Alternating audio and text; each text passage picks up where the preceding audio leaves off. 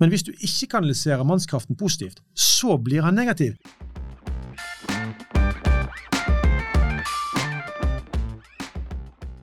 For å være komplett så, så, som mann så, så, trenger du en mannlige forbilder og kontakt med mann.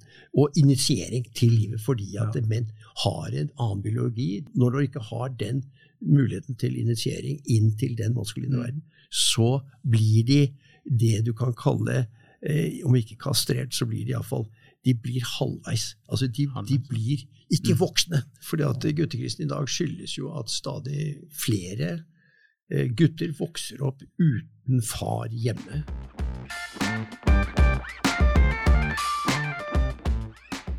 Når mannskraften bobler i den unge gutten, så blir det veldig raskt et problem. Ja.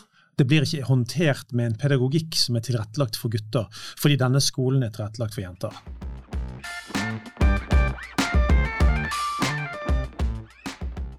Menn må eh, frigjøres fra sine mødre. Altså, de, de, første årene så må de knyttes til mødrene, for det er omsorg. og det er de helt avhengig Men så må de også eh, frigjøre seg fra mor. Mm. Og de som ikke klarer det, eh, de, de får problemer.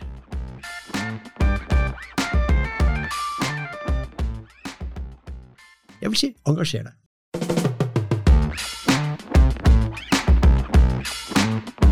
Du hører Mannspodden jakten på mannsidentitet. Bli med Andreas Skjelde og Einar Helgaas på din vei mot autentisk maskulinitet.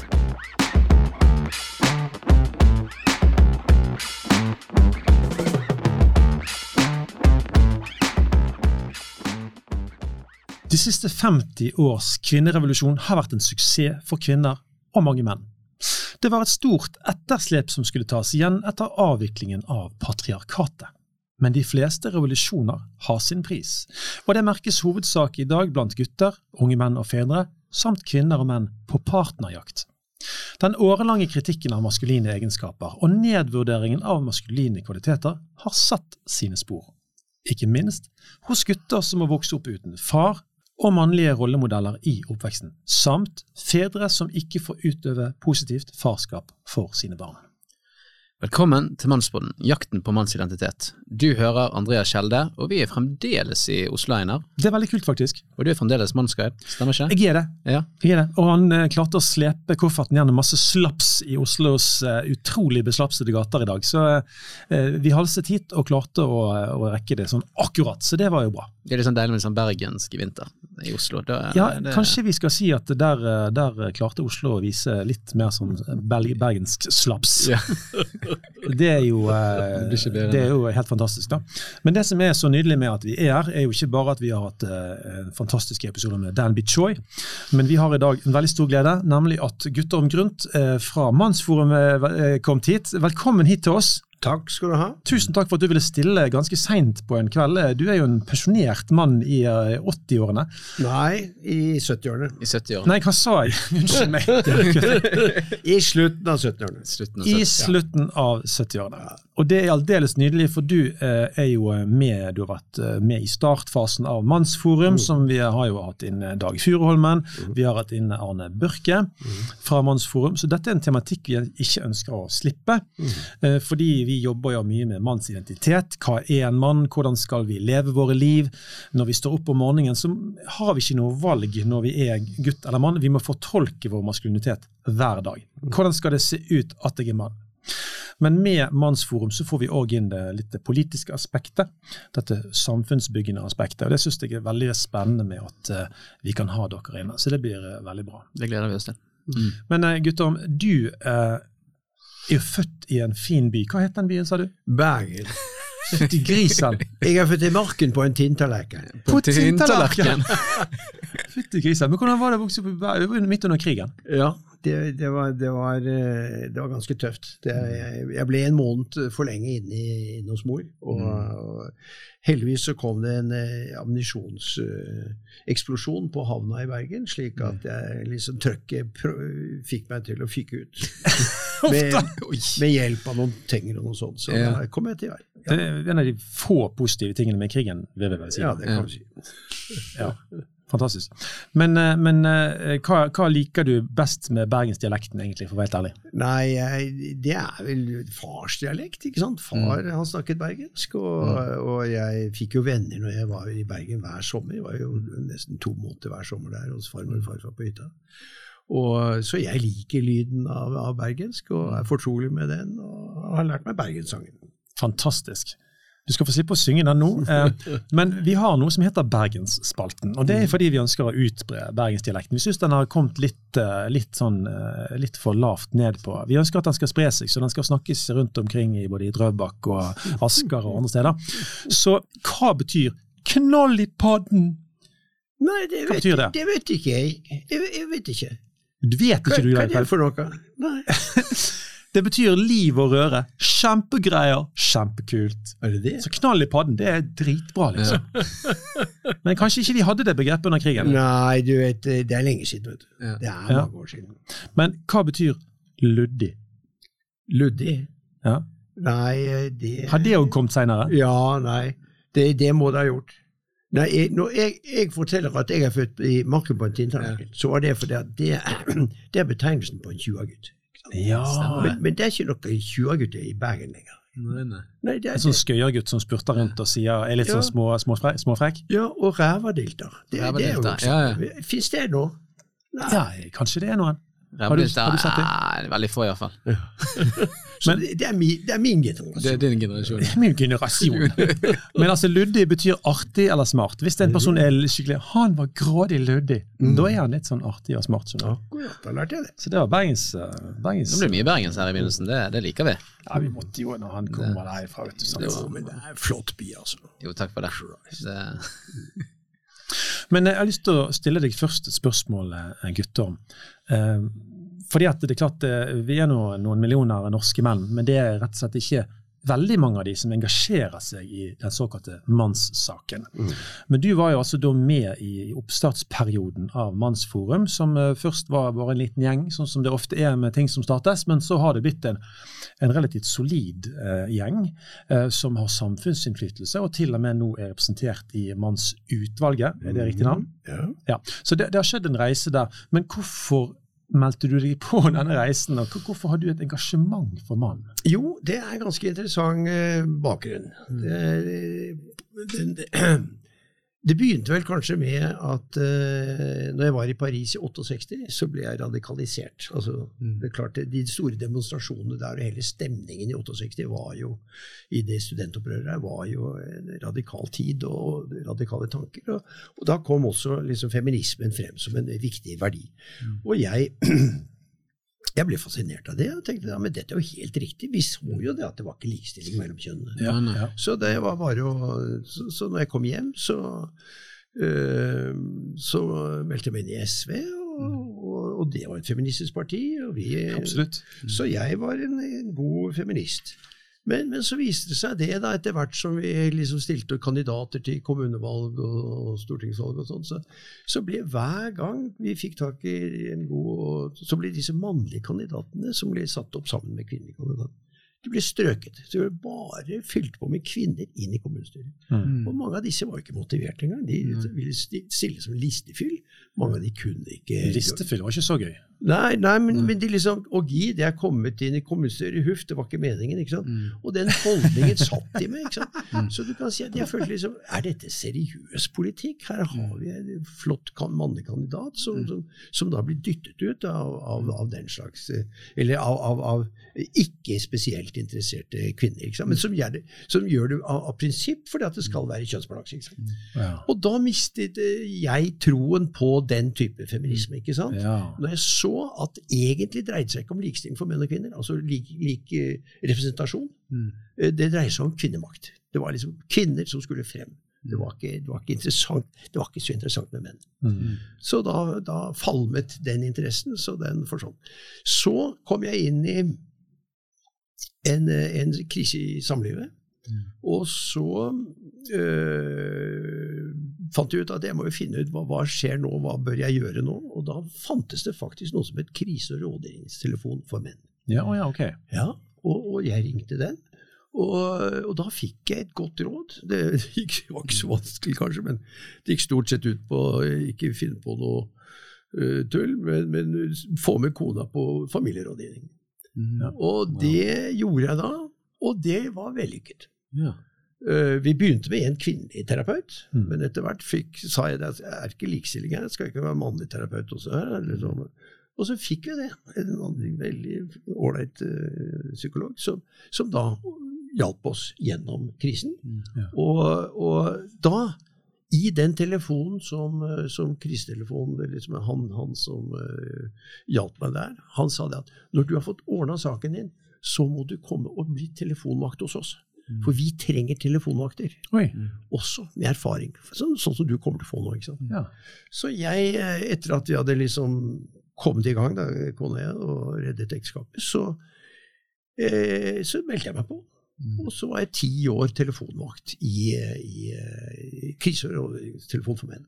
Hvor langt tilbake i tid er dette? Ja, Nå snakker vi om eh, 80-tallet. 80 ja. Slutten 80-90. Eh, og så, det som skjedde da, var jo at av disse mennene som ringte inn, de var jo fortvilt. Selvfølgelig var det veldig mye sånn samlivsbrudd og barnefordeling og sånn, mm. men mange var ensomme. Mm. Mange ble diskriminert på jobben. Mange ble liksom De, de, de følte seg til, til overs og tilsidesatt. Og, mm. Så her var det mange menn som, som hadde det ganske trist. Også, også, noen av dem. De sa det, dette må dere gjøre noe med. Dere kan ikke bare sitte her i telefonen og trøste oss. Dere må jo ta opp systemet. ikke sant? Ta, mm. gjøre noe med det. Og da var det at etter disse årene, etter ti år, så fant jeg ut at eller jeg og et par andre at vi må kanskje ta et initiativ av styret til å få etablert et mannssenter. Mm. Og da søkte, fikk vi en, en stipendiat til å lage et forprosjekt om et senter for menn. Og, og så søkte vi penger eh, hos, uh, i, i, i, departementet. Jeg tror det var Dovøy. Var det, ja. mm. hun, Laila Dovøy. Laila Dovøy. Hun avslo. Men så kom en, eh, hun Bekkemellom som minister. Og da fikk vi penger, halvannen million, til å etablere dette senteret. Hva het det? det? Nei, det var det som het, vi kalte det Ressurssenter for menn. Ja. Altså, kortversjon er Reform. Mm. Okay. Så da var vi liksom i, kommet i gang. Vi fikk ikke så mye penger som vi skulle ha. Vi skulle ha tre stillinger. Vi fikk to. En daglig leder og så en, en, en uh, terapeut som kunne ta imot og gi førstehjelp til gutta som var i krise. Hvor de skulle henvende seg i sosialsystemet, i ditt og datt og, og, og Nav og sånn. Liksom. Så det var starten. Og da var det jo gjennom disse historiene at jeg fikk kontakt med den diskrimineringen som, som, som av menn, mm. og, og, hvor lite samfunnet liksom brød seg om disse mennene. Mm. Uh, og hvor lite likestillingspolitikken mm. var, var giret inn på å fange opp dette, mm. som gjorde at jeg da ble veldig engasjert. Mm. Ja. Men, men Guttum, kan du òg beskrive denne her nøden når du satt på det her telefonsenteret fra mennene? Var det noen likhetstrekk som gikk igjen?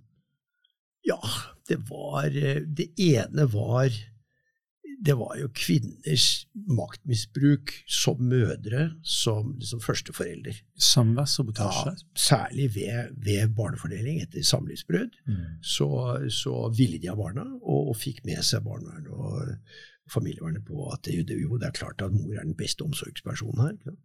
Og, og, det andre er at når mor da kanskje trengte litt mer penger, for da, da fikk, ved å ha barna aleine, så, så, fikk de også litt mer støtte. ikke sant? Så saboterte hun farens samvær med, med barnet. Og hvis, hvis, ikke, hvis ikke altså for, for, å nå frem, så la hun, hvis ikke det nyttet med en gang, så la hun litt til at ja, han slo jo barna, han var egentlig litt voldelig. ikke sant? Og Hvis ikke det gjorde nok inntrykk på, på retten eller på barnevernet eller familievernet, så sa hun det. Også dessuten tror jeg han driver med incest. Jeg har mistanke om det. ikke sant? Og det er jo helt umulig å motbevise. Det er helt umulig at de, disse gutta er sjanseløse i det. Og nå var det jo slik at det var flertall, et stort flertall kvinner i barnevern, i familievern og i, i, i de blant de sakkyndige i retten. ikke sant? Det store søsterskapet? Ja, det kan du godt kalle det. ikke sant? Så, så, så de forsto mor, og det var krisesenter og mor for å krisemaksimere. Nå sier jeg ikke at ikke noen dro på krisesenter Mm. av, av reelle grunner. For det var jo menn som slo kona si. Det var jo vold. Det, Mm. Ikke misforstå. Det, Nei, var, nei. det er ikke alle, alle menn som er like snille og hyggelige. Altså. Nei da. Men, eh, men eh, noe er jo eh, situasjonsbetinget og, og, og sånn og sånn. Men, men likevel, det var mange nok som misbrukte systemet ikke sant? Mm. Og, og slapp unna med det. Og, det, og sånn er det fremdeles. Mm. Så, så der kommer engasjementet fra. Mm. Fantastisk. Så du har vært engasjert egentlig i mange tiår, faktisk, rundt dette med menn. Og det tror jeg ikke det finnes mange ut av. Så, så det som du eh, har å gi her i dag, det syns jeg er veldig verdifullt for, eh, for våre lyttere. Mm.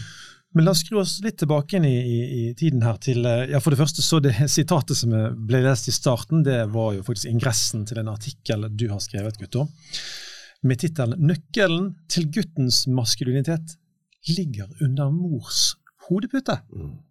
Den tror jeg ingen av lytterne så komme. Men da er vi tilbake til Robert Bligh og hans uh, Iron John. Jern-Jon. Jern-Jon? Ja. Kan du fortelle hva er, hva er den, dette eventyret som han uh, skrev, og hva, hva er det han prøver å få fram der i forhold til mannens dannelse?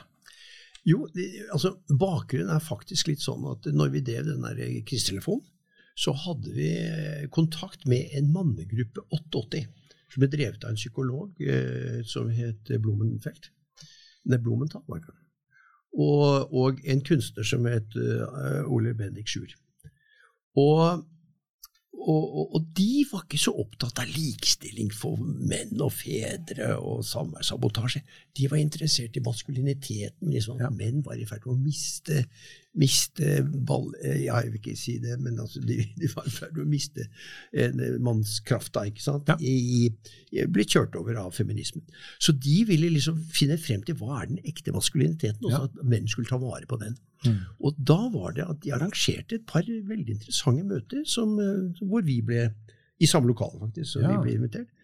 Og, og da kom de med Robert Bligh. ikke sant? Da kom de med Iron John. Da kom den der.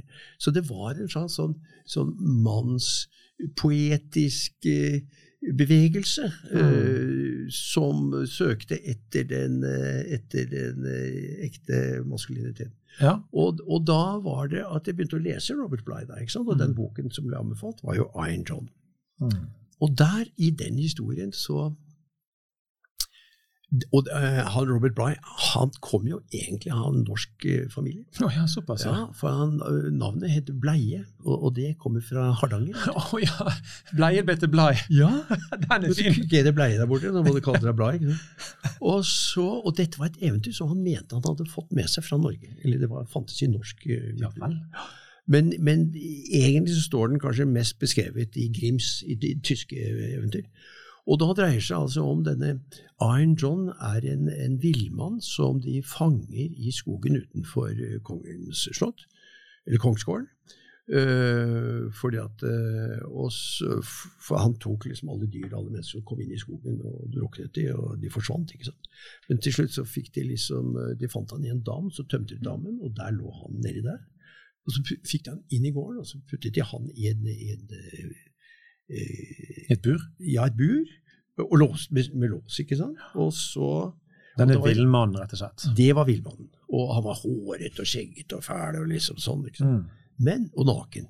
Mm. Men øh, sønnen, altså kongens sønn, han, han lurte jo på denne mannen her. Og når far var ute og kriget og mor var et annet sted, så, så stjal han seg liksom bort. Så ja, så hadde han en ball som trillet inn i buret, og så, Mm. fikk han, så gikk han til villemannen og ville ha ballen. Nei, det fikk han ikke. Øh, da måtte han låse opp. øh, og så, og så mistet han en ball til, og så, og så til slutt så, så spurte han ja, ålreit, for å få ballen min, hvor, hvor, hvor skal jeg, hva, hvor er nøkkelen? Nei, nøkkelen den er under puten til moren din. Det visste Iron John. Det visste Iron John. Så dermed så, så stjal han da nøkkelen fra under puten til mor, og så låste opp. Og da tok jo uh, Iron John gutten med seg ut i skogen. Og, og, og lærte han opp. Og da har du den historien hvordan han ble initiert i voksenlivet, i maskuliniteten, i manndommen, gjennom dette livet som han delvis levde i skogen, og delvis utenfor skogen. For han måtte ut av skogen for å lære mer. ikke sant? Og da gikk han gjennom noen prøvelser. ikke sant? Han måtte være fattig, han måtte være ydmyk, han måtte lære seg å utsette gleden, måtte skjule at han var kongssønn. ikke sant? Fordi at han skulle liksom lære seg å bli et ordentlig helhetlig menneske. Det der å være prins med en gang og bli tilbedt, Mm. det, det var ikke noe bra for en maskulin utvikling av en sunn maskulinitet. Liksom. Så der, har du, der ligger mye av eventyret, og, og det ser vi jo i guttekrisen i dag. Eh, som Warren Farrell har skrevet, og Richard Reeves har skrevet, og Boys and Men, den siste boka. Jeg vet ikke om dere har lest den? Nei. Nei, veldig Men The Boy Crisis er jo Ja. boken til Warren Farrell. Ja, og, og, og det, han er jo inne på det der også. Mm.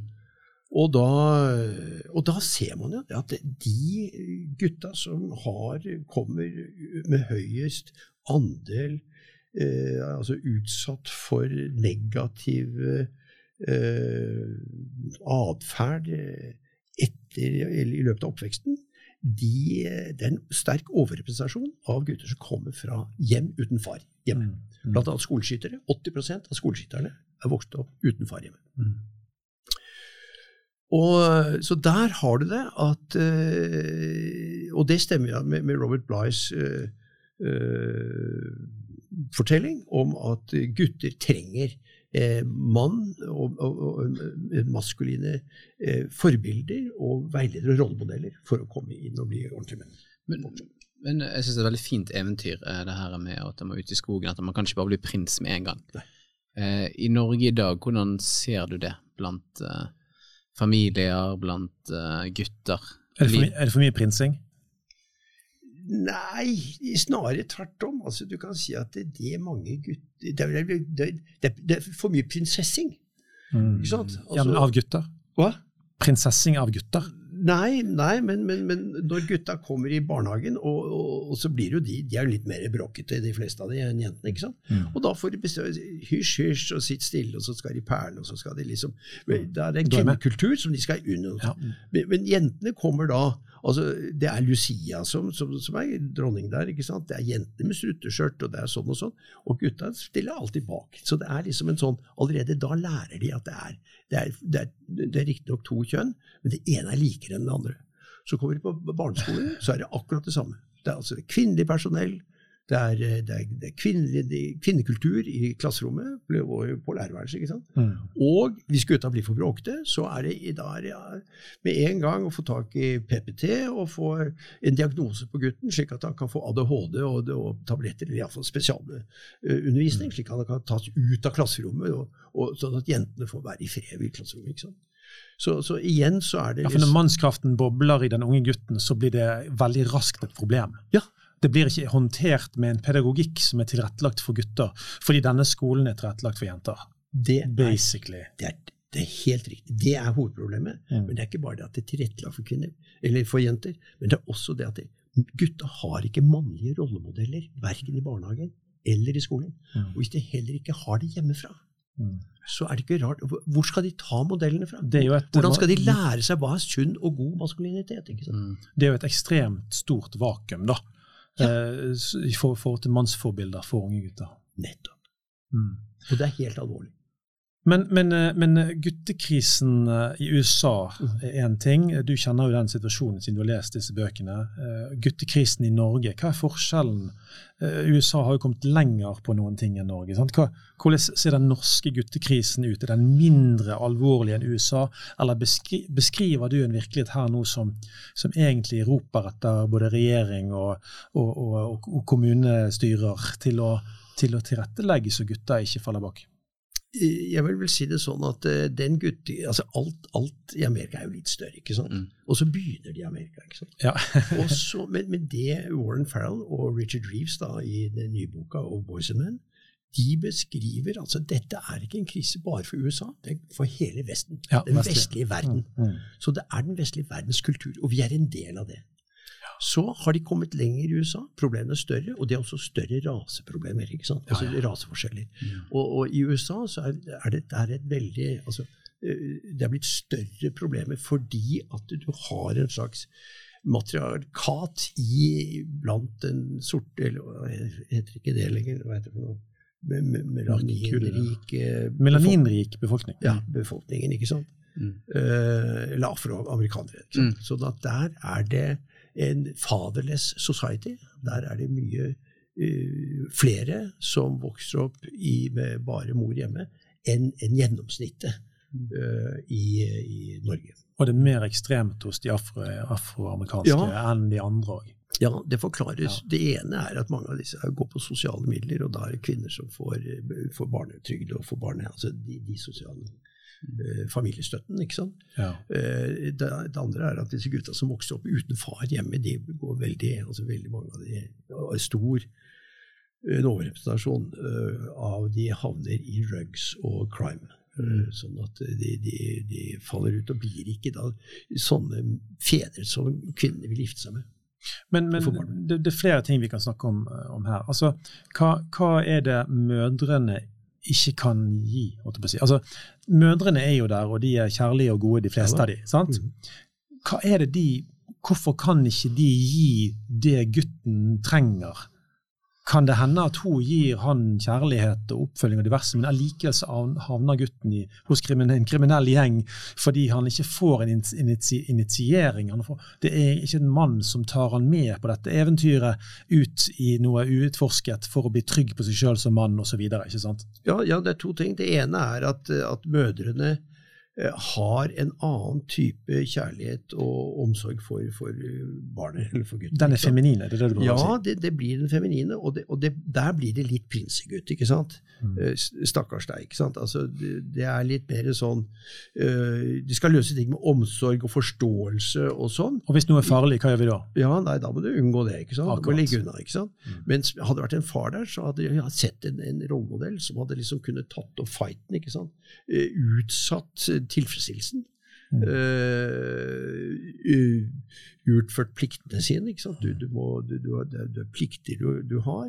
Du må stå opp mot, uh, mot uh, motstandere. Du må, du må ta vare på deg selv. Og tåle litt, litt lidelse Og mens du vokser, og mens du løser et problem, så skal du tåle å stå i en lidelse. Det. Om det er frysing på fjellet, eller om det er et eller annet som er vanskelig, og så har du en far som, som står der og, og ser deg inn i øya og sier at 'jeg tror på deg'. Hvis du står igjennom her nå, så ligger det en pris litt lenger framme. Så det er det ene. Det andre er at eh, de mannlige rollemodellene som da fins i de dårlige, eller de, de fattige strøkene i afro, afroamerikanske og white trash-områder også, eh, det er ikke spesielt gode mannlige rollemodeller. Ja, de er driver med drugs. De, de lærer hvordan du skal deale. De bruker disse unge gutta som håndlanger og ditt og datt. ikke? Så det er jo, det er en tragedie. Men, men, så Det er ikke kommet så langt i Norge, men det er klart vi har miljøer her hvor mye av det samme Vi har gjenger i Oslo som, som begynner å ligne sånn Stockholmsegger. Mm. Hvor, hvor det er det samme. Hvor kom, hvilke mannlige rollemodeller har de hatt hjemme? Mange av de har vokst opp med enslige mødre. Som jo, jo uten, uten De vet ikke helt hva gode mannlige rollemodeller er. Mm. Og så velger de da de rollemodellene de, de slutter seg til, det er de gutta i gata som har størst klokke og mest penger og, og størst bil. ikke sant? Tøffest i trynet, de som, de som uh, Ja. får en, en uh, maktposisjon i en gjeng. Ja, ja. Og de har sine strategier, de har sine maktteknikker for å knytte folk til seg og gi dem oppdrag. og Dette har vi sett på film så mange ganger. Ja. Ja, for å være med i den gjengen så må du drepe en person. Sant? Altså Det er sånne, sånne ting. sant? Og, og det er også Det er litt sånn Mexico, da. Men, ja, men det er også en initiering. ja visst er det Men initiert. det er, men det er, det er feil initiering. Yes. Det, er, er misforstått. Det er, det er, det er gal. Altså, det er, og det er trist at det er den, det er den initieringen som er åpen for det, altså, som, som er rundt dem. Hvor er den andre type initiering? Sant? Du ser på Raja. Han ble jo sendt til Pakistan da, fordi at han oppførte seg dårlig. ikke sant? Mm. Men, men eh, for å bli bedre. Utrolig nok så hjalp det faktisk. Riktig. Så den som har lest boka, må jo si at det er en utrolig reise han har gjort. Men det var jo barnevernet som plukket han opp som uh, første gang. Jeg vil komme med et eksempel. da, jeg, mulig jeg har sagt det før. Men eh, en av sønnene mine skulle, jeg tror han var kanskje bare en ja, seks, sju, kanskje åtte år gammel, skulle klatre opp i det høyeste treet eh, nært der vi bor. da, høyt lerketre. Um, og, og da tenker jeg på hva ville en mor gjort, eh, eller, eller min sønns mor, min kone gjort i forhold til hva jeg gjorde. For, for det jeg gjorde, jeg gjorde det som jeg tror egentlig er det vi snakker litt her om, altså Iron John og ute i skogen og lære seg ting. Jeg sto nede, og jeg snakket aldri med frykt i stemmen.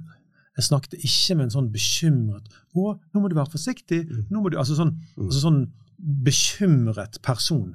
Men jeg prøvde å være trygg og rolig, men jeg ga en instruksjon i hvordan han skulle klatre. Og jeg, jeg, jeg, jeg sa hva han skulle være forsiktig med. Um, men han fikk klatre så høyt opp som det var mulig å komme i det treet. Kanskje det var en 12-13 meter. da. Det var kult. Um, men, men istedenfor å liksom, komme ned så fort som mulig, eller er du gal, um, så, så, så var jeg der og prøvde å være en støtte for at han skulle mestre noe som han hadde lyst til å mestre. For det var jo veldig gøy å klatre opp der. Fantastisk utsikt. Det var det høyeste treet i hele den skogen. Og det tror jeg er mye mannens rolle. sant? At, altså, altså mor Det er risikovillighet. ja, risikovillighet. Ja. Du, og, og vi må backe den risikovilligheten. For den, du kan bare tenke deg i Ukraina. Sant? Altså, hvis ikke menn står opp mot russerne sant? Det er jo et ekstremt eksempel. Men vi menn kjennetegnes jo av risiko. Vi ønsker risiko, og vi har det som trengs for å stå i risiko, med fysikken vår og med hele biologien vår i bunnen. sant? Men hvis ingen backer oss, hvis ingen lærer deg opp til å håndtere og gå inn i et risikofylt landskap, og du får trening i det Akkurat som i militæret. Der har du generaler og der har du, har du befal som, som gir rettledning til hvordan oppføre deg i visse typer terreng. Og den rettledningen må du jo ha. Men det du snakker om her nå, det er jo et fravær av maskuline modeller som kan gi en sånn rettledning. Og hva gjør det med guttene da? sant? Fikk du egentlig svart skikkelig på det med hvorfor nøkkelen lå under mors pute? For det er jo en veldig spesiell detalj. Ja. Fikk du svart på det? Uh, ja, altså det, jeg syns Du sa at han fant den der, men forklarte du hvorfor det ligger i eventyret at den var under, under mors pute? Ja, det er det- Bly, Robert Bly forklarer, det er det at menn må eh, frigjøres fra sine mødre. Altså, de, de, første årene så må de knyttes til mødrene, for det er omsorg, og det er de helt avhengig. Men så må de også eh, frigjøre seg fra mor. Mm. Og de som ikke klarer det, eh, de, de får problemer. Mm. Eh, med, og, med maskuliniteten og med selv, selvfølelsen og det hele som mann. sant? Hva er det problemet? Altså, hva er det som skjer hvis du blir for tett knyttet til mor og for lenge? Ja, eh, det du, det du Nå er ikke jeg psykolog, men, men det vi ser, er jo at Jeg kan ta eksempel med, med Fleksnes. Har du Mm. husker In the good old days. Ja, Han bodde jo sammen med moren sin. Ja, Og sant. han klarte jo han, han, han prøvde til å få seg kjæreste. ikke sant? Moren seilte inn, for hun ville jo ikke slippe, slippe, gi slipp på gutten. Hun, ah, hun, han, hun, hun hadde ikke noen mann der. ikke sant? Så Han ble liksom både sønnen hennes og Ja. hjelperen hennes og tryggheten hennes Ja. og, og, og mannen i livet hennes. ikke sant? Ja. Sånn at hun tok et eierforhold. farlig, utrolig farlig kobling. Yes, og da, på den måten, når de tar eierforhold over disse gutta, og gutta sliter med å frigjøre seg, så sitter hun på nøkkelen. Det er hun som sitter med nøkkelen til å frigjøre. Min mor, heldigvis, hun var, hun, hun var mer liksom åpen for å, å slippe meg. Så det var, det var ikke noe stort problem. Men, Altså- eh, altså, men, men, det, men det var andre ting, ikke sant. Hun, hun, hun sa en gang at du må ikke bli som faren din, for han er så sinna. ikke sant. Ja. Det er jo det verste du kan si til en sønn. Du må ikke bli som faren, som var jo mitt rollemodell. ikke sant? Ja. Man kan si at du blir som faren din, men ikke fullt så sinna. Mm. Men, men der ble det Og det er på grensen til noe sånn, sånn åndelig incest ute og går her. altså, ikke sant? At hvis, hvis du liksom mor forteller sønnen at den ikke skal bli som far sin, med, og, og da skal ikke bli maskulin, du skal ikke bli eh, en mann. ikke? Ja, for det kan bli et sånn utvidet budskap. Ja. Det kan godt hende hun mente egentlig at den sinte siden var det du ikke skulle ta Ja. med, men plutselig så har hun farget hele personen. Det er nettopp det. Hele det, det maskuline. Og, og, så, og så blir han da Ja, men hvor skal jeg da finne eh, en næring til min vekst som mann? Og da kan han bli ganske forvirret. sant? For Og da hadde jeg heldigvis en onkel, ja, se det. broren til far, som da fungerte som min mentor. Ja, wow. Fra du var ganske ung, du, eller? Ja, for vi traff jo han på hytta i Grimshaug hver sommer. Ja. Og han så meg, og han så at jeg trengte en maskulin ja. sparringpartner. Hva ga han deg, da? Nei, han begynte å dælje løs på meg. Han begynte å bokse. Ja. Så, Kom ja, kom igjen, kom igjen. Liksom. Ja, du må forsvare det. Du må- ta igjen, ikke sant. det er initiering, vet du. Ja, og, og jeg holdt opp med det, så jeg liksom Nei, kom igjen! Og han ga seg ikke. Så, så på en måte så, så så han meg at jeg trengte det, og, Ja. og, og han lærte meg å, å ta igjen. Og at det var riktig. Sånn at når jeg skulle få min første sønn, eller min sønn, da, Mm. så gikk jeg til han, ikke til far, og spurte hva gjør han. Men eh, hvordan skal jeg få et godt forhold til sønnen min? Hvordan skal han få en god start i livet?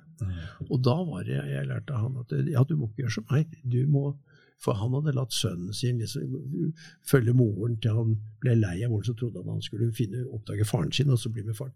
Nei, da fant han disse gutta i gata, så da var han bare ute i gata. Så regnet han med når han var ferdig med det, så ville han gå til faren sin og finne, ha lyst til å være sammen med faren. Nei, da begynte han å jage jenter, ikke sant. Ja. Så han sa det, nå du må ta sønnen din hvert år, dra bare dere to, én eller flere ganger i året, bare dere to gutta, i skauen, eller dra på hytta, eller gjøre noe annet, sammen. Selv om han, enten han vil eller ikke. Mm. Og Og, og, og gjøre Det blir en mannsinnvielse, da, sant? det blir det. Over det. Altså, for da, har du gjerne aktiviteter som, som, eh, som passer seg for mann og, altså far og sønn å gjøre sammen, og som gir gutten noe av denne tilknytningen som han trenger. da. Og, og, og det var ikke noe problem med kona, hun var for det. Mm. Og, og på den måten så, så har jeg et veldig godt forhold til han. Ja. Og jeg syns det gikk veldig bra. Men én gang i året, det er sikkert lov å Nei, ja, jeg, det ble flere ganger i året. Men det var liksom det minste, da. Men eh, det var en siste ting jeg ville ta eh, på Mm. den, den, tematikken vi var inne på eh, i sted. Um, dette, med, uh, dette er jo politisk. Sant? Det er Mm. at enslige kvinner kan, kan få barn. Mm. Hva, hva gjør det med guttekrisen som vi, hadde, som vi har eh, diskutert? Jo, det, det, det, bare øker guttekrisen. fordi at guttekrisen i dag skyldes jo at stadig flere eh, gutter vokser opp uten far hjemme. Eller vi- har liksom 40 000 eh, eh, altså barn som ikke får se sin far, eller fedre som ikke får se sine barn i år. Sant? I året, ja. Og, nei, i, i en vanlig måned. I en vanlig måned. Ja, når det kommer mm. til, til i året, så, så går det rundt 10 000, litt under 10 000. Men, men det er like, det er store tall? Mm. og det er mange som skilles. Og, det er, og dette er, dette er eh, Så kan du si at kontakten, de andre som da uh, har kontakt, hvor, hvor god er den? Hvor mange dager er det i uka? ikke sant? Ja. Og, og er det på mors premisser, eller er det sånn? Mm. Så du kan si at den er der allerede. Men det nye som nå er i ferd med å skje, etter de siste endringer i bioteknologilovens forskrifter, Mm. det er at nå er det tillatt med kunstig befruktning av, for enslige, eh, enslige kvinner. Eh, og da er, eh, da er slusene åpnet. Det du ser nå, er at det dukker opp private klinikker som tilbyr uh, fertilisering da, av enslige kvinner. Som da, og, og det er en rask økning i antall kvinner som søker til dette, her, som hopper over uh, stadiet med å finne seg en mann. De, de, de, de tror kanskje de finner en plan ja, Nei, nå nærmer jeg meg eh, 40, nå må jeg få meg barn før Og jeg har ikke funnet mann ennå, men det kan jeg finne etterpå. ikke sant? Kanskje. Men i alle fall så så, Og det er nok begrunnelse. ja, og det viktigste for dem er da å få barn. ikke sant? For det, de vil bli mor. Og nå har jeg lest flere intervjuer med kvinner som har fått barn på den måten. Og i ingen av disse intervjuene er det noen som gir uttrykk for hvordan skal det gå med gutten. Jeg tror til og med jenter som vokser opp med mor, øh, og en mannlig, altså da en rollemodell av samme kjønn, vil savne en far. Det er ikke tvil om annet. Nei da, det Men, men, men det er enda verre for gutter Mm. å, å vokse opp uten far hjemme. Så her er det en, en rask Det er, liksom, det er giret om. Det er i, i paradigmeskifte at nå er det ikke bare skilte kvinner, altså gutter som vokser opp med, med, med, med en far de vet hvem er. ja. Nå kommer også en ny eh, økende antall gutter som vokser opp med mødre uten å vite hvem faren er, Ja. uten å få se faren. Og de får heller ikke noe kontakt med en bestefar, altså med farfar. Og, på det, da. Og, og den delen av, av slekta, ikke sant. Tenkes Så- det på det ja. i det hele tatt, tror du? Jeg tror de skjønner hva de gjør, men de vil ikke snakke om det. Og, det, og det, som jeg sier, i disse intervjuene så har ikke journalisten engang spurt om har dere tenkt på hvordan, om denne sønnen eller disse guttene vil savne faren sin eller en, en mann i livet? Det er ikke sikkert det er politisk korrekt å stille det spørsmålet. Det er nettopp det. Og hva, er slags, hva slags fritt samfunn er det vi har når, når, når, det, når det ikke, man tør eller vil spørre sånne spørsmål? Mm. Hvem er det da som har makta? Men er det en menneskerettighet å få barn? Ja, det er noe som heter barnerettigheter. Ja, men en menneskerettighet å få barn? Øh, vi, Det har jo ikke vært det. Nei. Det, det, det er jo ikke Nei, en er ikke menneskerettighet at man skal få barn, men Mm. med denne nye loven Mm. Plutselig er det jo sånn at en kvinne som vil ha barn, Mm. med en ganske sånn lett begrunnelse Mm. 'Jeg har ikke funnet en mann ennå'. Altså, Mm. Det er jo ikke noen eh, hemmelighet at eh, det er både menn som ikke finner seg kvinner, og kvinner som ikke finner seg en mann. Mm. Men at det plutselig skal være en god nok grunn Ja. til at man skal få seg et barn Ja. for å tilfredsstille sitt behov for å bli Mm. forelder, men uten å gjennomtenke de konsekvensene det har for dette barnet. Uten konsekvensutredning. Nettopp. Det er jo uh, aldeles slett arbeid. Det er grotesk. Mm. Og, og dette alvoret er det ikke. Likestillingsombudet tar det ikke opp. Barneombudet tar det ikke opp. eh, departementet tar det ikke opp. Det er ingen som snakker om det engang. Sånn at denne guttekristen kommer jo da bare til å ikke eksplodere, for at det, er, altså det, det, det, begynner i det Små. små, men men det ruller, og det Mm. blir flere og flere. Mm. Og jo flere modeller man, man ser, eh, forbilder man ser, blant kvinner i toppen i næringslivet Mm. og i det offentlige, eh, som, som da får barn uten at det er noen fedre der. De, Mm. de vil ikke egentlig si hvem som er faren, de, vil ikke, de liker ikke spørsmål om hvem er far til barna. Eh, Så, så, så jo mer vanlig blir det. Mm. For der er det rollemodeller ute og går. Det er Mm. kvinner som får barn uten en far til stede, og de snakker ikke om at barnet kommer til å trenge en far. eller savne en far. Det er jo Det er et ufattelig grunnleggende neglekt av, av faren. Og uten en sædcelle som møter denne eggcellen, så blir det ikke noe barn. Og den kommer fra en mann. Jo, men, jo, men de, Men- får, de får sæd. Ja, ja. Men barnet får ikke vite hvem sæden kommer fra. De, de, de har krav på det når de er 18 år, Mm. men det er ikke noe krav da at de skal treffe Det, det blir ikke Nei. en far de kan forholde seg til. Men hvilken type identitetskrise er det som ligger og venter på disse, når de da kommer opp i det punktet at Altså, Tore på sporet, liksom. Mm. Eh, Vi lurer alle på hvor vi kommer fra. Mm. Det, ligger jo, det er jo genetisk, det ligger jo i beinstrukturen vår Mm. at vi lurer på hvor vi kommer fra.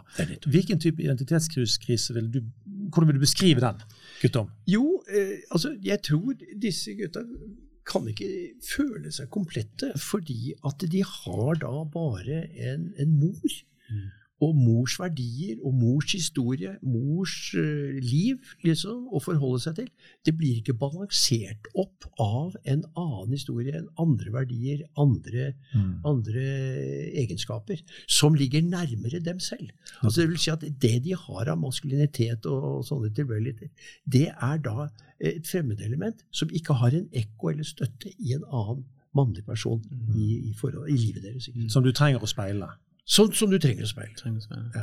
Og, og, og igjen rollemodell. Hvordan, hvordan oppfører man seg i forhold til kvinner? Hvordan oppfører Mm. man seg i forhold til jenter? sant? Hvordan, hvordan oppfører man seg i forhold til uh, progresjon i- Men, men altså, og gjennom det at du har snakket med utrolig mange menn, da, Mm. gjennom den telefontjenesten du gjorde, altså behovet for både mor og far. Mm. Hva slags type historier er det du har hørt, og hva, hva har det fortalt deg om, om dette grunnleggende behovet?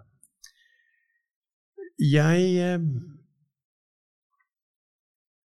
Jeg har eh, Jeg tror jeg har ikke fått så mange historier om hva eh, Altså, de som ringte inn til krisetelefonen for menn, det var ikke, de var ikke nødvendigvis vokst opp med bare med mor. Nei. De hadde, det var samlivsbrudd, og det var andre, andre livskriser. Sånn at det som øh, jeg har av kompetanse eller innsikt på dette, her, det er det som man kan lese i litteraturen, blant annet i Warren Farrell, The Boy Mm, Crisis, ja, ja. Og, og disse her. ikke sant? Og da, da fremgår det jo at eh, at eh, det er eh, For å være komplett så, så, så, som mann så, så, så trenger du en mannlige forbilder og kontakt med mann. Og initiering til livet, fordi at Ja. menn har en annen biologi, de har en annen utviklingsbane i forhold til kvinner og, og jenter. Mm. Og, og, og, og den må noen forstå og sette pris på. Og, og de har ikke, som, når du ikke har den muligheten til initiering inn til den maskuline verden, så blir de det du kan kalle eh, om ikke kastrert, så blir de iallfall de blir halvveis. Altså de, de blir ikke Mm. voksne. De blir, de blir mer følelsesmessig styrt. Mm. De blir lettere offer for falske maskuline idealer, Mm. som Andrew Tate. Ja da, Mm. Som altså, voldelige menn, rikdom, Mm. eh, andre, sånne, sånne type idealer, Mm. som, som jo ikke nødvendigvis er det som er så veldig å, å, å trakte etter. Ikke sant? Det er ikke, det er ikke den altså, Kvinner vil ha modne menn som, som står i sin Mm. egen maskulinitet trygt og godt. Og, de, og, og det får ikke de. Derfor er 25% av mennene i dag barnløse. Nettopp det som skjer. Ja. Og, og, og mange er også uten partner. Ja. Eh, og det, er sånn, eh, det var veldig godt du sa det der, Guttorm. For jeg, jeg har jo hørt litt med mine kompiser og lest litt på nettet. Og det er ofte at menn vi, vi skal alltid Vi føler vi må oppnå noe Mm.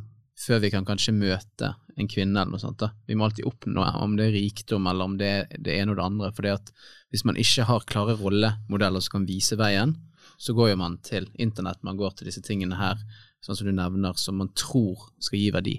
Men så finner man ut at det gir ikke verdi. ikke sant? For det, Man må bare fortsette hele tiden. Eh, og jeg tror egentlig spørsmålet mitt er hvordan kan man sikre at man har gode rollemodeller? Det er jo gedigen. det er gedigen gedigent. Det er spørsmål. Ja, ja, men det er gedigen utfordring. Sant? For det, Mm. sånn som guttene beskriver det sant? Altså her, du, du, du, du vokser kanskje opp uten mor. Sant? Mm. Så er det barnehage med, med 90 mødre. Nei, mødre, hva sier jeg? Kvinner. 90 kvinner. har vært litt av en barnehage. Ja, Og så ungdomsskole. Eh, Barneskole. nei, barneskole først. Mm. Der er det vel 70-90% Nei, det er, stort sett så er det 85% kvinner. Ja, og ungdomsskole. Ja, da kommer det 35, eh, altså 75 kvinner. Mm. Ja. Eller 65. Da, Altså, da begynner det å bli en tredjedel mannlige og to tredjedeler kvinner. ja, Og på videregående litt bedre, kanskje? Ja, der er det litt bedre. Enn så lenge. Ja, men, men poenget er at eh, du kan komme til å gå gjennom en hel oppvekst fram til du er kanskje både 15 og 18 år, Mm. eh, uten å, å ha, ha møtt en eneste mann som har blitt et forbilde for deg. Altså, altså, Uten en mannlig roll, Man- rollemodell. mange gutter kan komme til Ja. å gå gjennom en sånn oppvekst. Da. Ja. Og, da, og, og jeg pleier å si det at altså, du, du, den altså, mannskraften kan du ikke altså, Du kan ikke stappe den vekk. Og det er det du får inntrykk av med feminisme, at du må bare ta vekk denne her voldsomme mannskraften som har ødelagt så mye. Sant? Men den må kanaliseres positivt. Sant? Men hvis du ikke kanaliserer mannskraften positivt, så blir han negativ. Det er som at du trykker ned en ballong, og den, den, den går jo opp. Sant? Plutselig spretter den opp til en eller annen side. Sant? Enten så blir det den gode siden eller den dårlige siden, eh, med alle nyansene som, som livet har. Da. Og, og, og det er derfor denne guttekrisen er så alvorlig. Sant? Fordi at Hvis ikke de får de mannlige forbildene som eh, skal komplettere kvinnene, for sammen er vi dynamitt. ikke sant? Mm. Vi prøver jo på ingen måte å si at det kvinnene har å gi, om de er alene med et barn, ikke er bra. Jo, men det er De trenger det òg. de trenger det Ja, òg. ja, ja. Det er helt grunnleggende. Ja, ja. De må ha det. Men det er ikke nok. Men nå er det the father deficit. sant? Nå er det den mangelen i livet. En slags mangelsykdom. Sant? At ikke du har den næringen av kjærlighet både fra klemmene til far, men òg når han står ved siden av deg og støtter deg og setter mot i deg til å gjøre ting du kanskje er litt redd for. Og der, der mødre kan ha en, en, en litt annen vinkel, og som er mykere og, og litt mer fryktsom. Vi vet at mødre er forskjellige, men snittet mellom menn og kvinner er jo forskjellig. Og det er når vi kompletterer hverandre i den oppveksten, det er da det blir på en måte det som vi trenger. Det er veldig godt sagt, for vi har også funnet ut at enslige, altså de som vokser opp med enslige fedre, kommer ikke spesielt bedre ut. Nei. Ja, De trenger både far og Ja, mor. Ja. det jo Så hvis du spør hva kan gjøres, ikke sant?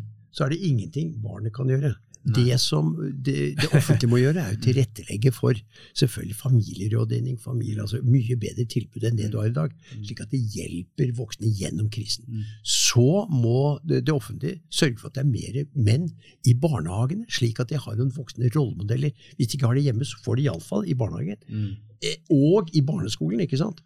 Slik at det må massiv programmer for å rekruttere og, og, og, få flere menn til å søke, og, og søke inn og ta disse jobbene i barnehager, i skolen, og også opp til ungdomsskolen. Og, og også i barnevern og familievern. Altså hele, Ja. hele oppvekstapparatet rundt Ja, det- er jo fullstendig feminisert. Mm. Og der er det jo en søsterkultur, altså en sånn støttekultur mellom disse kvinner, mellom mor og disse kvinner.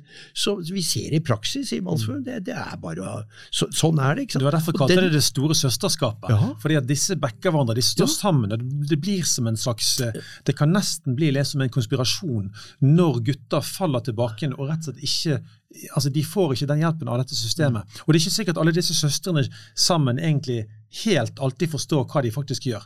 Altså For det, det beste kan bli Nei, for de er, altså, så, de er så integrert i kvinnekulturen at de ser det ikke. Ja. Noen ser det, heldigvis. Det, er, det fins unntak. Det er noen flotte kvinner. Ja. Noen av dem er medlem hos oss, Mm. men, men, men de fleste de bare syns det er greit sånn som det er. La meg ta to eksempler. Min sønn eh, gikk i barnehage, eh, og så ble, kom en som het Morten inn der. Eh, Og jobbet i barnehagen en periode. Og han satt jo nesten alltid på fanget hans når vi skulle hente han. Og han søg seg på han, og det var leik og spel. Sant? Når det endelig kom inn en mann, sant? Så, så ser du ja, det skjedde, det, det, det der. Min far hadde jo en litt sånn eh, jeg hadde litt sånn distansert forhold til han. da. Det var mye han ikke var involvert i i mitt liv, som har hatt mye å si for, for meg, og som jeg tror er litt av grunnen til at jeg holder på med dette arbeidet her. da. Men når jeg eh, ble med og reiste på en del leirer og sånt, fra type eh, sånn åttende klasse kanskje, jeg søg, søg meg jo på disse mannlige forbildene. sånn, Og diskuterte livets tema, diskuterte kvinnen og diskuterte Gud. Og, og, og, og det betydde jo kjempemasse for meg. Jeg var mye mer interessert i de enn de kvinnelige lederne. Og det er jo bare akkurat det der suget vi har i oss. Vi trenger de mannlige forbildene. Det er nettopp det. Men eh, for å skifte litt gir, så etter du gikk ut av reform, så begynte du på et, og du var, gikk av med pensjon òg, så begynte du på noe veldig spennende. Ja, da, da hadde jeg tid til å gjøre noe jeg hadde lyst til å gjort lenge. Det var å sette meg litt mer inn i teorien for likestilling og, og, og kjønn. ikke sant? Og da, da meldte jeg meg på, tok et kurs på Senter for tverrfaglig kjønnsforskning i Oslo, Universitetet i Oslo. Mm. Og, kurs, ja, og kurset het jo Tverrfaglig kjønnskunnskap. Mm. Så viste det seg å være mye feminisme. Det første var feminismens historie, og så var det feministisk vitenskapsteori. Og når det kom til liksom mennenes tur, så var det menn og maskuliniteter. Da, da fantes det ikke noen sånn teori bak det. Nei, da var det bare eh, rangeringen, statusrangeringen av mellom menn. Eh, hvor da liksom det kom frem at det var alfamenn, og så var det beta og så delta, og så var det liksom de på bunn, det var da homofile menn som liksom som ble hundset av disse alfa- og beta-hann. ikke sant? Uh, og jeg kjente meg ikke, så, så spurte jeg da liksom Men jeg hører ikke noe om feminiteter, er det ikke noe? Nei, det er ikke noe, det er ikke noe rangering mellom, det er ikke noe sånn maktkamp mellom alfakvinner og betakvinner og sånn. Det var bare mellom menn. De var så opptatt av status og sånn. ikke sant? Og, eh, og, så, men men, maskulini, altså maskulinisme, da, en parallell til feminismen, er det, er det, ikke, noe, er det ikke noe der?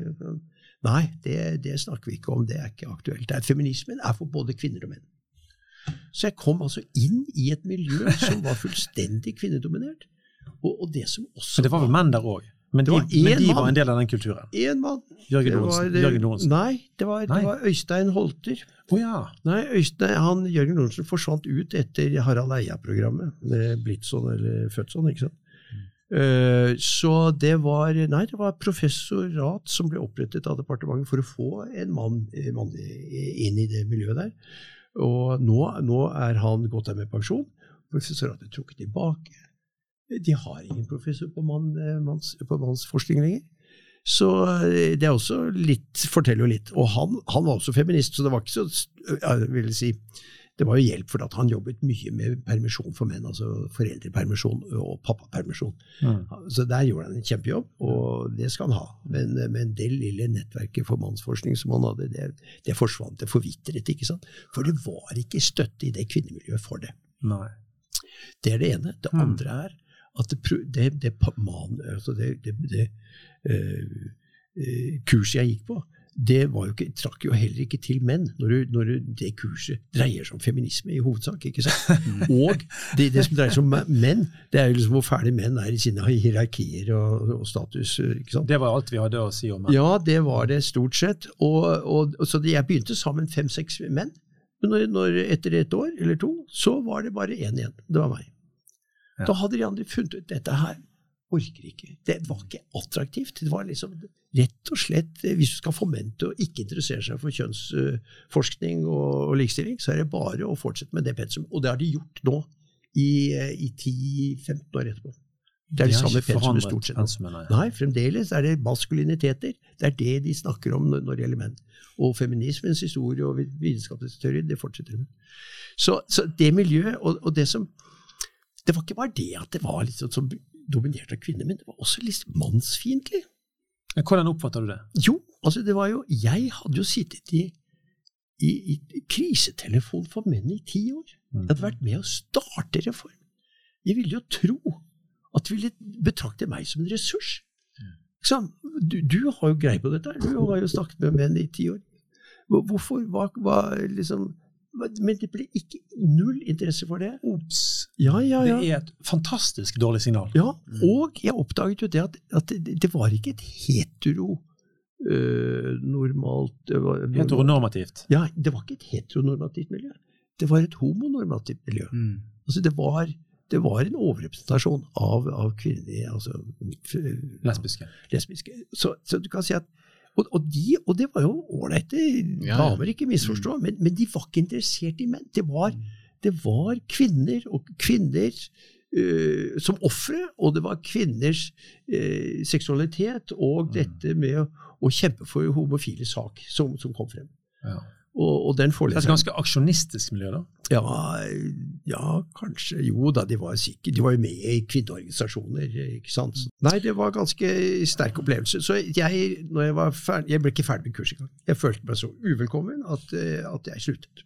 Mm. Ja. Og da var det det siste jeg gjorde, var å spørre han Øystein Holter.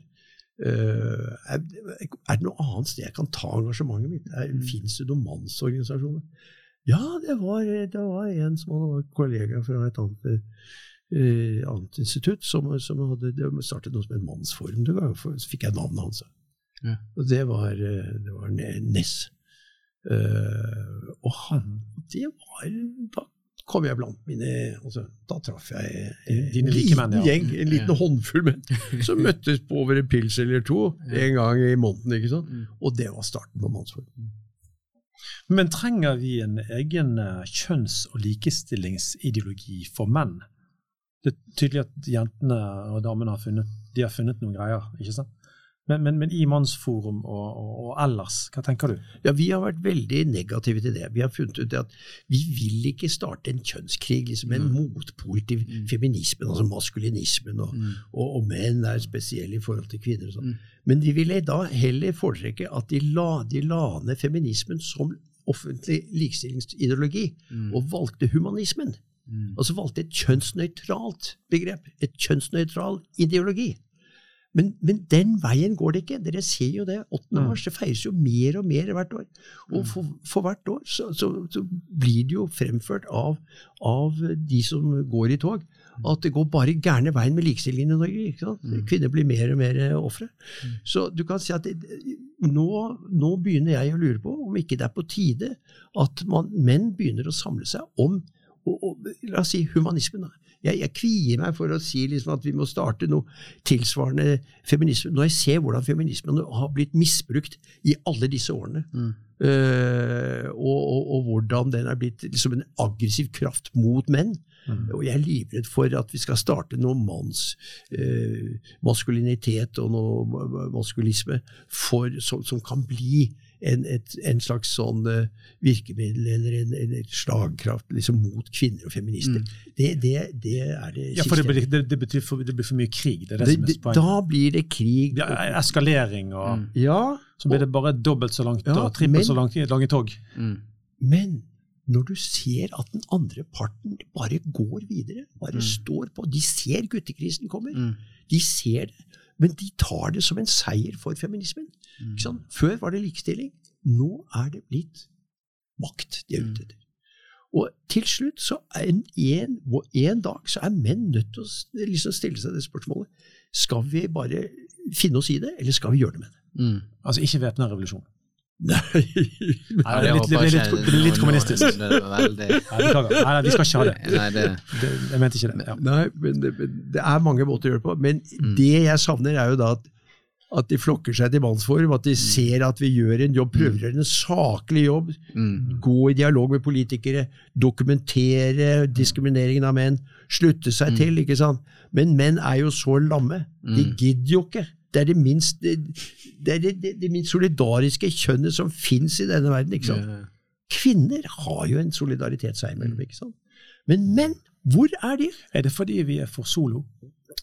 Nei, det, det Eller er er, hvordan kan det være at vi eh, ikke klarer solidaritetsbiten eh, eh, når kvinnene klarer det så mye? Sant? Det må jo være en kjønnsforskjell eller et eller annet kulturelt som Ja, gjør det. Ja. Men hva jeg, er det, gutter? Jo, jeg tror jeg kom til det at det er feighet.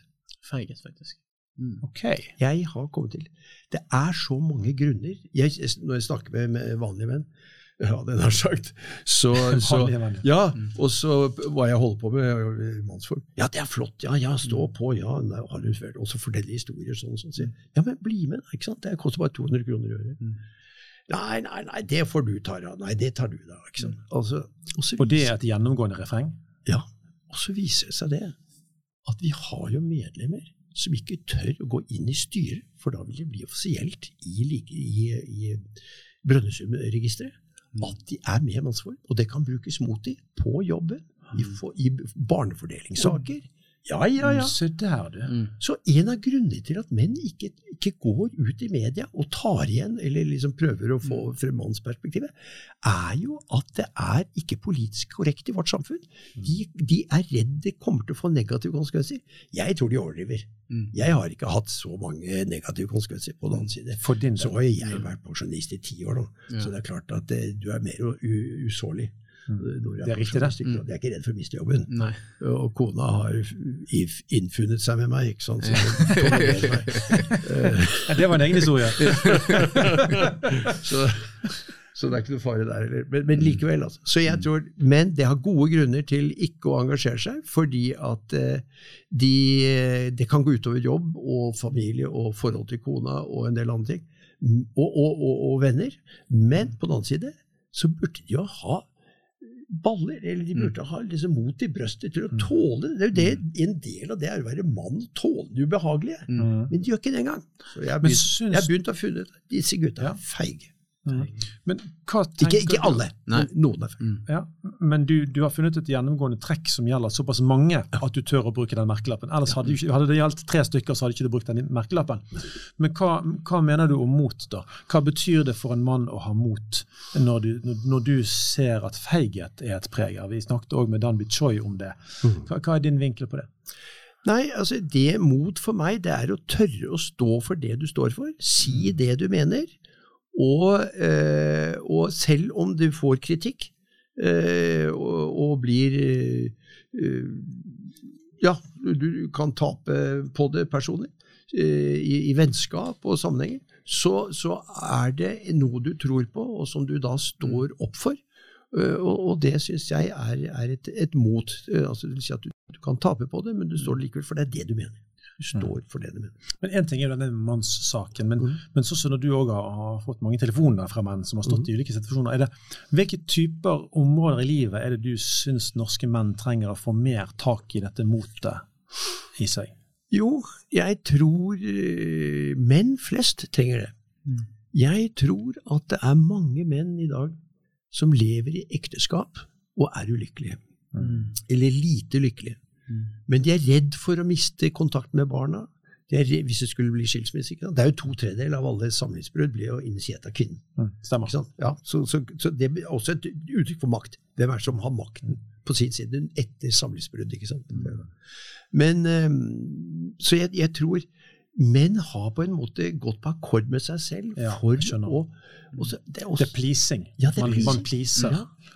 Og, og, og, hvis du ikke lager bråk hjemme, så kanskje du får eh, sex oftere. ikke sant? Kanskje ja. du får sånn litt hyggeligere, og det blir koseligere. Det Det- blir mindre krangel. ikke sant? Mm. Men, men i, i, blir du lykkelig av den grunn? Altså blir, Får, får kona mer respekt for deg av den grunn? Det er ikke sikkert det heller. ikke sant? Nei, ikke sant? Ja, så, så her eh, En mann trenger respekt, Ja, men du må reise deg for å men du må må også ha selvrespekt, og den selvrespekten tror jeg mange menn savner i dag. Det er nettopp det. Fordi at de, har, de bøyer seg under overmakten som, Mm. som, sitter på, som kvinnene sitter på. Mm. Hva slags type grep tenker du en mann kan bruke for å, få, for å bygge mer selvrespekt?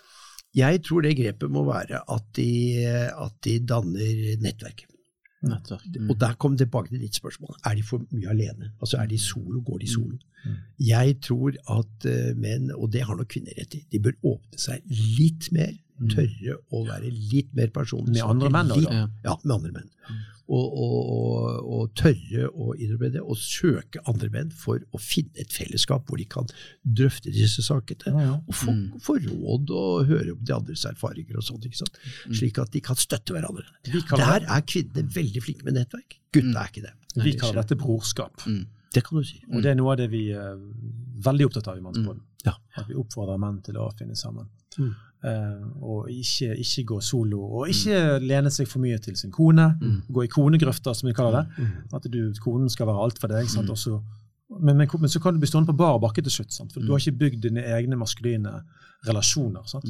Og som kan gjerne være knyttet til- til aktiviteter som du trives med. Sant? Vi må ikke gå på kafé og oppføre oss som, eh, som om det var det eneste måten å være sammen på. Sant? Vi kan finne vår måte å gjøre det på. Ja, og, Helt riktig. Og jeg, og jeg eh, har jo en kompis, jeg har sikkert nevnt tidligere, da, men han ble jo skilt som 38-åring. Eh, og han beskrev bare sånn at han mast hele sitt nettverk. Ja. Eh, og det er veldig viktig for alle som lytter, det bare understreker igjen. Altså, du må bygge deg et brorskap. Ja. Og du må ha et eget nettverk utenfor konen din sitt nettverk. For hvis det skal bli eh, skilsmisse eller noe sånt, så kan du stå på bar bakke. Og det å bare høre den historien fra han her som var 38 Ja. Altså, hvor skal man finne seg venner når man er 38, hvis du skjønner? Det er et godt, det er et godt poeng. Ja. Det, var, det var så trist å bare høre. Men det er ikke for seint. Men det er ikke for seint. Det er, viktig. det er en 60-åring, en 70-åring Mm. kan gå på en eh, unnskyld, en bingoklubb, holdt jeg på å si. Mm. Altså, de, folk samles noen steder. Færre enn før. Mm. Det er ikke bra. Det er for mye hjemmesitting med TV, og det er for mye skjerm. Mm. Det er for mye jeg med meg. Og, og så er det mange mennesker ute i den verden, men man blir litt, litt sånn redd, da. Vil de like meg? Men vi må på en måte tenke litt sånn at jeg har noe å gi, Mm. og de andre har noe å gi til meg. Mm. Og så må vi søke sammen Mm. på en eller annen måte. Mm. Men jeg syns dette er spennende, eh, som kanskje et av de siste temaene i episoden, eh, gutter. Eh, n- igjen med den kontakt du har hatt med menn. Mm. Eh, Er det noe mer du vil si i forhold til brorskap? Det å søke sammen. Eh, eksempel grunner til at menn ikke søker brorskap. Har du sett noe der, noe sånn gjennomgående? Ja, altså det er ikke til å komme forbi at eh, menn har en tendens til å skulle konkurrere. Ja. Og eh, ved det så Det er litt sånn one-upmanship, og så er det Mm. også da undertrykke eller tie om svakheter og Mm. skryte av styrke. Det er nok en del av mannskulturen, og det er jo Mm. også faktisk i deler av den eh, trives jo kvinner med. altså De liker det, for, altså, for de vil jo gjerne ha gutter eller menn med status. ikke sant? Så det er jo en del av Det vil de jo. ja, det, det er en del av attraksjonen. Liksom. Mm. Ja. Så, så det, er ikke, det er ikke for ingenting at, at menn har dette her. Men, men det å, så jeg ser at det kan være en, eh, det litt vanskeligere å åpne seg i maskuline Ja, miljøer. Men det, det jeg oppdager som gammel mann, da, Mm. Ja. det er jo at ja, for noen år siden, altså for 20-30 år siden, så var det litt sånn blant kamerater. ikke sant? Mm. Men, men, men nå er det helt over. Mm. Nå, nå er det liksom penger og status og Mm. alt det spiller ingen rolle. Mm. Det vi snakker om nå, er jo barnebarn. Kom an. Ja, og, og, og så tar vi en seiltur. ikke sant? Altså, vi, vi gjør noe sammen. Gutta på din alder. Ja. Altså dine kompiser. Ja, mine kompiser. Ikke sant? Men, men, men praten går mye på familie og barnebarn og, og, sånne ting. ikke sant?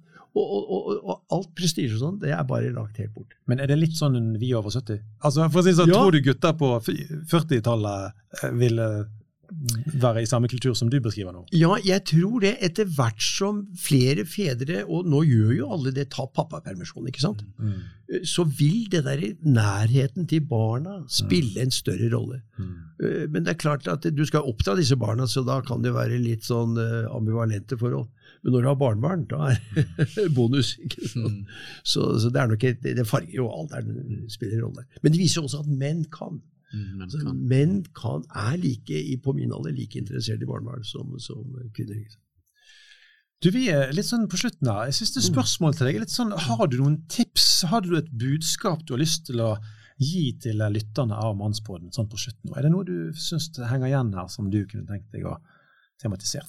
Ja, eh, jeg, jeg som jeg sa eh, Menn er for tause. Menn går rundt med tanker og frustrasjoner og, og, og blir mer innbitte og eller, eller gi blaffen, ikke sant? Altså likegyldige.